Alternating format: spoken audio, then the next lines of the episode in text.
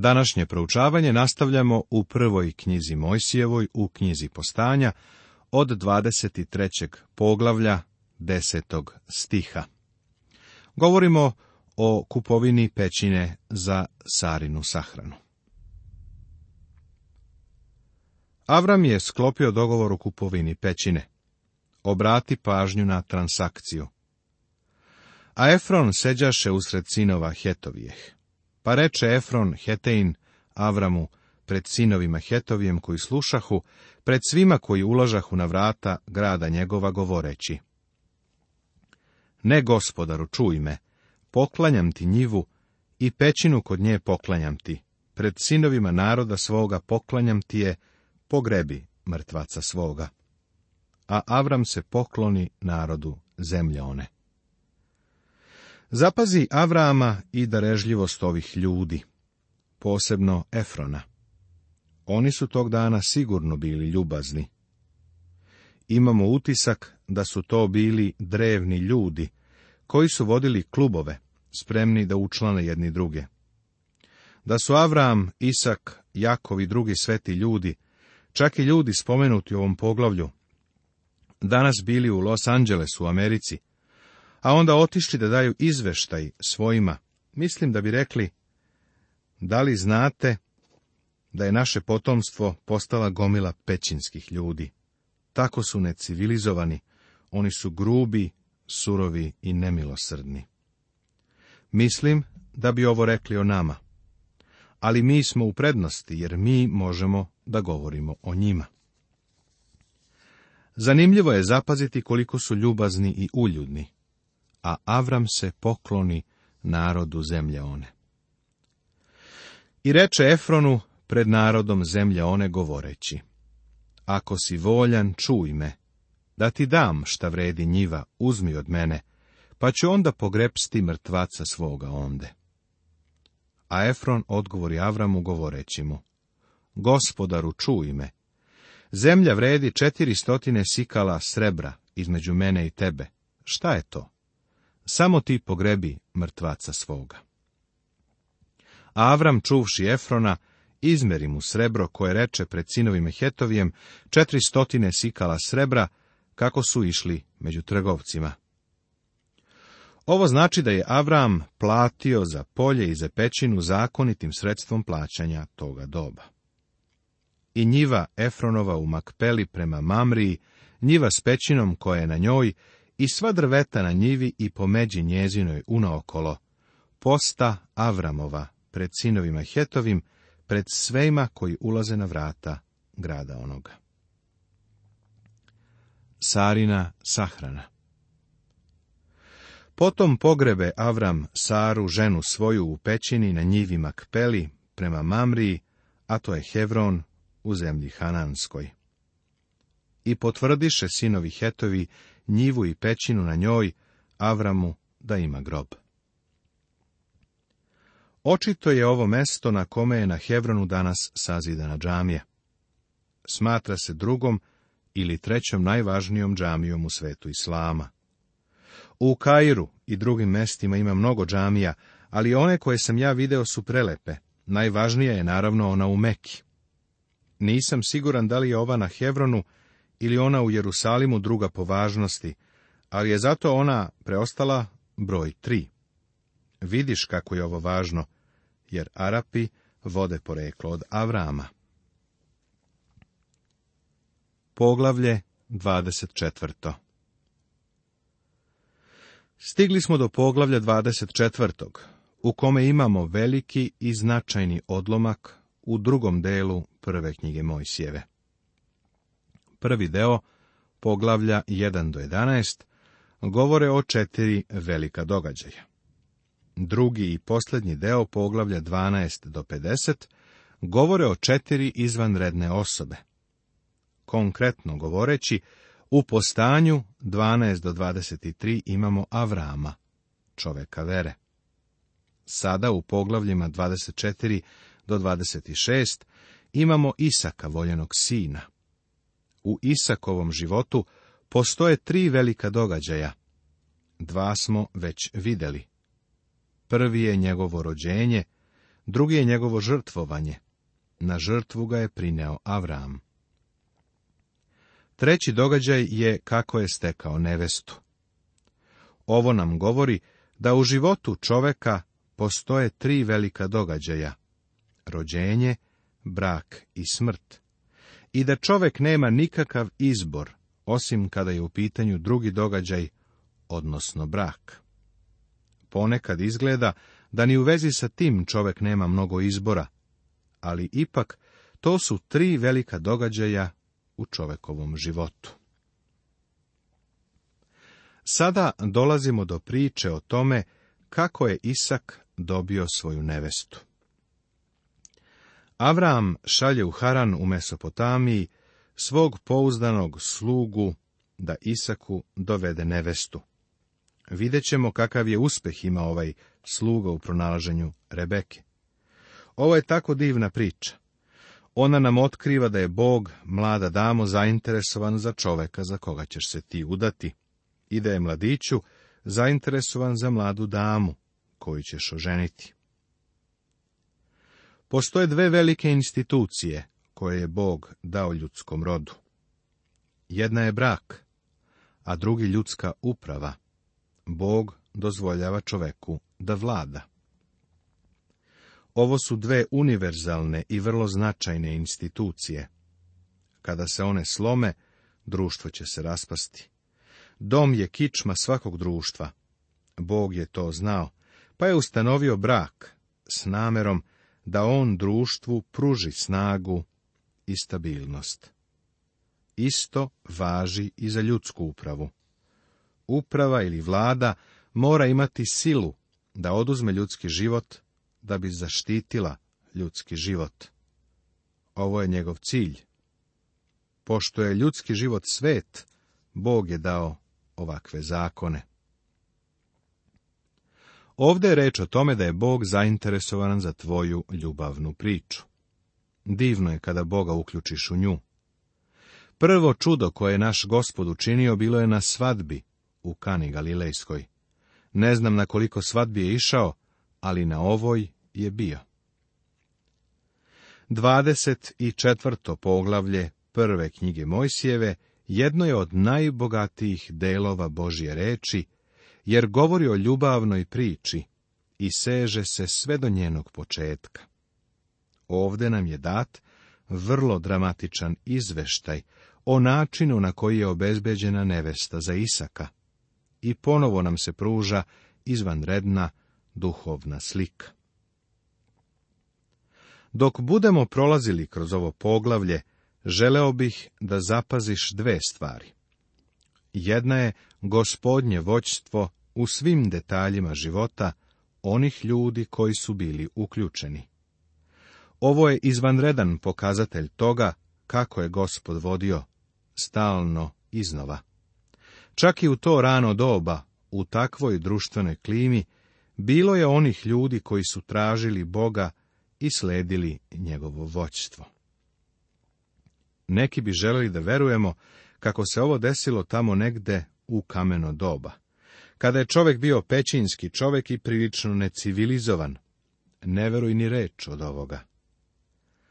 Ovde imamo zapis koji nam pokazuje da čovjek uopšte nije na samom početku svog života živeo kao takva vrsta ljudi, a pritom nalazimo i Božje voćstvo. Ako je Bog mogao da vodi živote ovih ljudi, On može voditi i moj, i tvoj život.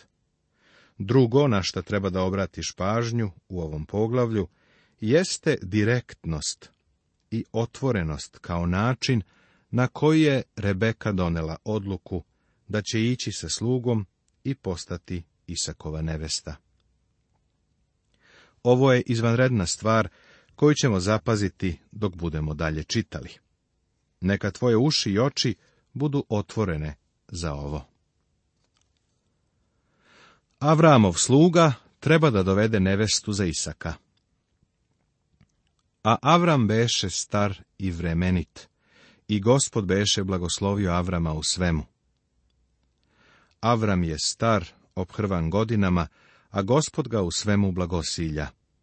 Avram sada želi da dovede nevestu za svog sina Isaka. Ali ne žele da nevesta bude od Hananeja, koji su bili idolopoklonici i pagani. Zato on hoće da pošalje slugu u svoj narod, tamo u zemlju Haran, da se za Isaka pronađe mlada. I reče Avram sluzi svojemu najstarijem u kući svojoj, koji beše nad svim dobrom njegovim. Metni ruku svoju pod stegno moje. Ovako je čovek u to vreme davao zavet ili zakletvu, oni tada nisu podizali desnu ruku, a levu stavljali na sveto pismo.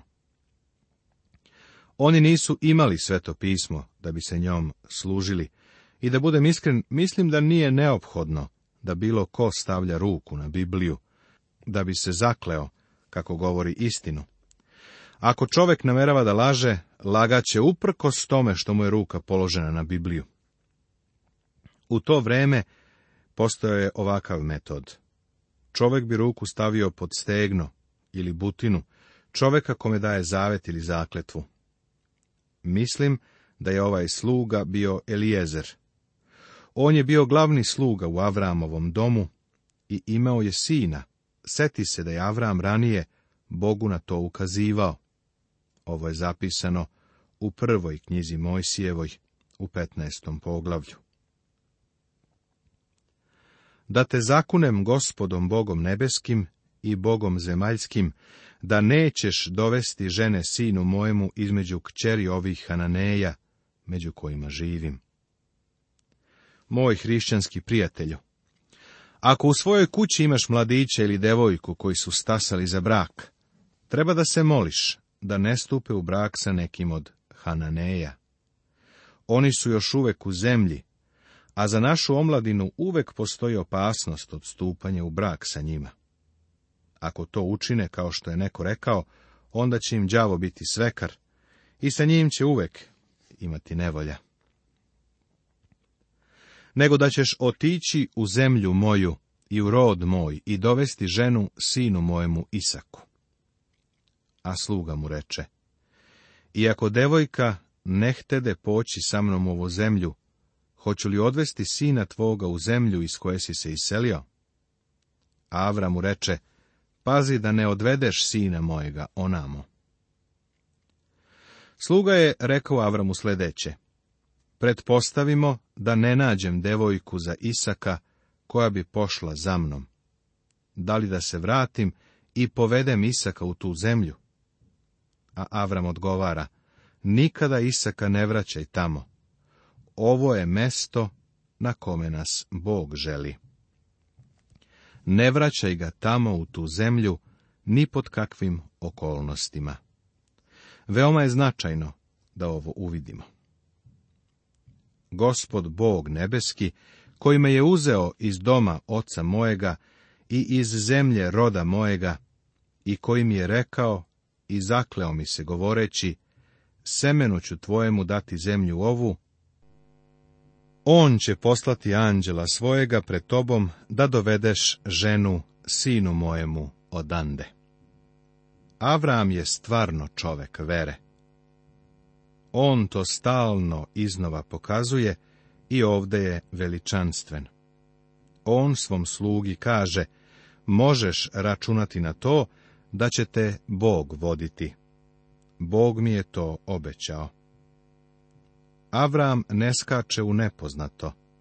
Vera nije skok u mrak ili u nepoznato. Ona mora počivati na Božjoj reči. Mnogi ljudi kažu, verujem Bogu i to će se desiti. Baš lepo. Divno je što veruješ Bogu, ali imaš li nešto napismeno od njega? Avram je uvek tražio nešto napismeno, a to je i dobio od Boga. Bog je sa njim sklopio ugovor.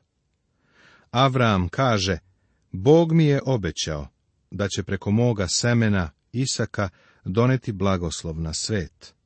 U jedno možeš biti siguran, Bog za Isaka tamo ima nevestu. Vidiš, Avram se temelji i počive na nečem što je Bog rekao. Danas ne treba da budemo nerazumni. Vera nije nerazumnost, ili ludost. Ona se zasniva na nečemu. Uvek je razumna. Ona nikada ne skače u nepoznato. To nije kao kad se kladiš u svoj život da će se ovo ili ono dogoditi. Ona nije kockanje, ona je sigurna stvar. Vera je zaista sigurna stvar. Avram je siguran u to.